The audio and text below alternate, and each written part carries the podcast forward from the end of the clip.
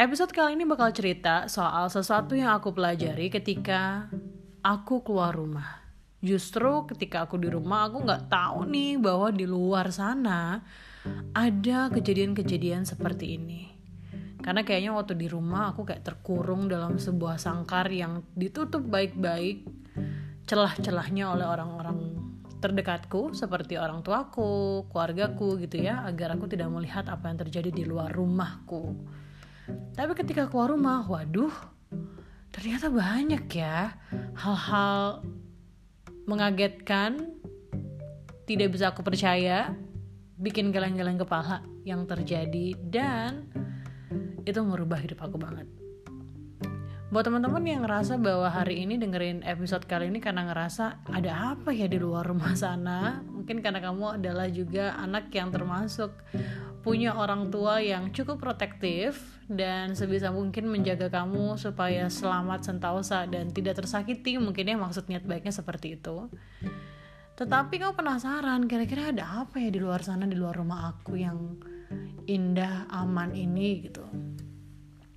Aku akan mulai dengan sebuah cerita dari yang aku temui pada saat pertama kali nih aku keluar rumah dengan nekat bukan kabur ya tapi keluar rumah untuk bekerja pada saat itu ketika aku SMA Nah, ketika pada saat SMA aku memutuskan untuk kerja part time sebagai seorang penyiar radio ya di salah satu radio di Bali gitu.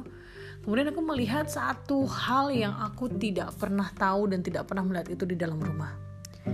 Yaitu adalah kejadian soal seseorang yang bergenta-ganti pasangan seksnya dengan begitu mudahnya gitu waktu itu SMA jelas ya masih belum kebayang bahwa ada kehidupan yang seperti itu gitu. Bahwa ada seseorang ini adalah perempuan gitu ya yang ternyata dengan sangat frontal dengan sangat percaya dirinya dengan sangat lantangnya mengatakan bahwa dia terbiasa untuk gonta-ganti pasangan seksnya. Awalnya kaget gitu dan kemudian kayak mengenyitkan apa namanya alis mata gitu sama berpikir mbak ini kenapa ya gitu. Tapi kemudian setelah mengenal lebih dalam bercerita gitu ya terus aku kayak melihat bahwa ini orang tuh sebenarnya baik gitu. Ada kebaikan yang aku pasti nggak bakal bisa temuin di orang lain yang ada di orang ini gitu. Kayak misalnya dia ngajarin aku ketika waktu itu jadi awal-awal punya radio ya untuk lebih pinter cara mixing lagu terus kemudian untuk lebih pinter bawain siaran radio waktu itu dan itu bener-bener apa ya cara dia mengajarkan aku tuh tulus dan nggak kelihatan bahwa dia tuh takut tersaingi atau takut suatu saat aku akan namanya juga pekerjaan ya takut suatu saat aku akan menggantikan dia atau menggeser posisi dia sama sekali dia nggak ada seperti itu. Kayaknya hati dia tuh sangat plong gitu ya untuk ngajarin aku pada saat itu. Itu pengalaman pertama yang kemudian membukakan mata aku bahwa kata ibuku kan hati-hati pilih temen gitu ya. Kadangkala apa yang kita lihat misalnya kalau orangnya udah kelihatan seruntulan dari luar tapi belum tentu uh, dia orang yang baik gitu. Jadi kamu harus hati-hati sama dia dan jangan bergaul. Tapi ketika aku melihat yang terjadi pada saat itu di kantorku di radio gitu aku ngerasa kayak ibu salah nih gitu. Ibu ada salahnya bukan 100% salah ya. Ibu ada salahnya gitu kan ternyata aku ketemu orang yang tadi aku bilang ceritanya di awal dan ternyata orang itu baik sama aku. Itu pengalaman pertama. Pengalaman kedua adalah ketika aku pindah dari Bali ke Surabaya gitu waktu itu aku kuliah dan ketika di sana tuh aku ketemu laki-laki yang gondrong semuanya. Mayoritas ada yang gondrong ada yang digimbal rambutnya gitu ya. Ada yang celana robek-robek gitu dan bahkan ngomongnya seruntulan ngerokok dan lain sebagainya. Kata ibu dulu hati-hati dengan laki-laki gondrong. Mungkin kalian pernah denger ya hati-hati dengan laki-laki bertato gitu. Hati-hati dengan laki-laki yang gaya pakaiannya tuh nggak bener singkat cerita aku tuh sakit waktu itu di Surabaya. Dan ketika sakit di Surabaya itu yang nungguin yang bantuin ke rumah sakit yang ngejagain aku ketika ibu aku belum sampai ke Surabaya itu justru temen-temen yang tadi dibilang seruntulan sama ibuku gitu ya ibuku belum pernah ketemu sebelumnya tapi dulu ketika aku masih di rumah ibuku selalu bilangin gitu hati-hati berteman dengan orang dengan ciri-ciri yang disebutkan oleh ibuku tadi Nah pas ibuku masuk ke dalam ruangan rumah sakit, ibuku bengong gitu ngeliatin kanan kiri gitu ya kayak mengarsir semua teman-temanku kok begitu modelnya.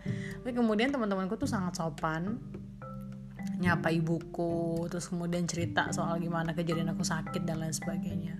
Ketika teman-temanku pulang ibuku bilang gini waduh udah berkembang nih pergaulan di Surabaya gitu kata ibuku. Terus aku bilang gini ya karena mereka baik gitu bu.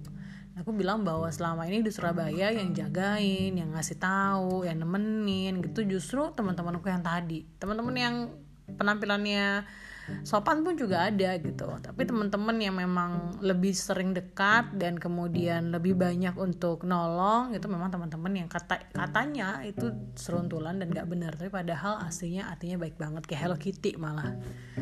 Nah itu pengalaman kedua yang akhirnya ngebukain mataku bahwa betul ya kita nggak bisa judge orang itu dari covernya. Tapi kita harus ngikutin, kita harus lihat dia dalam perjalanan kehidupan kita. Seberapa jauh dia bakal nemenin kita, bakal nerima kita, bakal bantu kita, bakal saling bertumbuh dan berkembang gitu ya, menghibur dan saling menghibur gitu. Untuk ya pertemanan yang lebih baik tentunya. Nah itu yang aku bilang, aku nggak akan pernah dapat momen dan pelajaran ini dalam kehidupan aku kalau aku tidak keluar rumah. alias dipingit di dalam rumah. Kalau aku nggak sedikit membangkang kepada orang tuaku dan kepercayaan keluargaku pada saat itu dan mulai membuka sedikit celah dari sangkar-sangkar emas yang dibuat oleh orang tuaku dan melihat di luar sana ternyata banyak kehidupan dan pengalaman kehidupan dari orang-orang yang menarik buat kita ambil pelajarannya. Dan yang kedua, orang yang menarik buat kita ajak berteman, kita analisis gitu ya. Kita pertimbangkan karena jangan-jangan malaikat yang sebenarnya ada di dunia itu tidak berwujud seperti malaikat, teman-teman. Tapi mereka-mereka yang katanya seruntulan tadi katanya hidupnya nggak jelas dan tampangnya kayak preman justru bisa menjaga kita. Nah buat kamu yang masih ragu untuk main keluar rumah bukan yang provokasi ya, tapi silakan eksplorasi dunia ini seluas-luasnya. Kamu bakal dapetin banyak banget pengalaman yang kamu nggak bisa baca di buku yang kamu nggak bisa cuma nonton dari film atau nggak bisa cuma diceritain dari orang tua tapi akan kamu alamin sendiri. Tapi ingat konsekuensi dari sebuah pembelajaran pasti akan ada rasa sakit rasa sedih rasa kecewa gitu ya tapi ketika kamu udah menemukan maknanya kamu akan dapat sebuah pelajaran yang bisa kamu ceritakan ke teman kamu, ke anak kamu nanti, ke cucu kamu nanti, dan itu akan sangat-sangat luar biasa dan sangat-sangat berharga. Terima kasih dan kalau kamu senang, monggo di share episode kali ini ke teman-teman kamu supaya makin banyak yang dengerin dan makin banyak yang berani untuk mengambil keputusan belajar lebih banyak dari guru-guru kehidupan yang ada di luar rumah. Sampai jumpa di episode berikutnya di podcast Anak Tangga.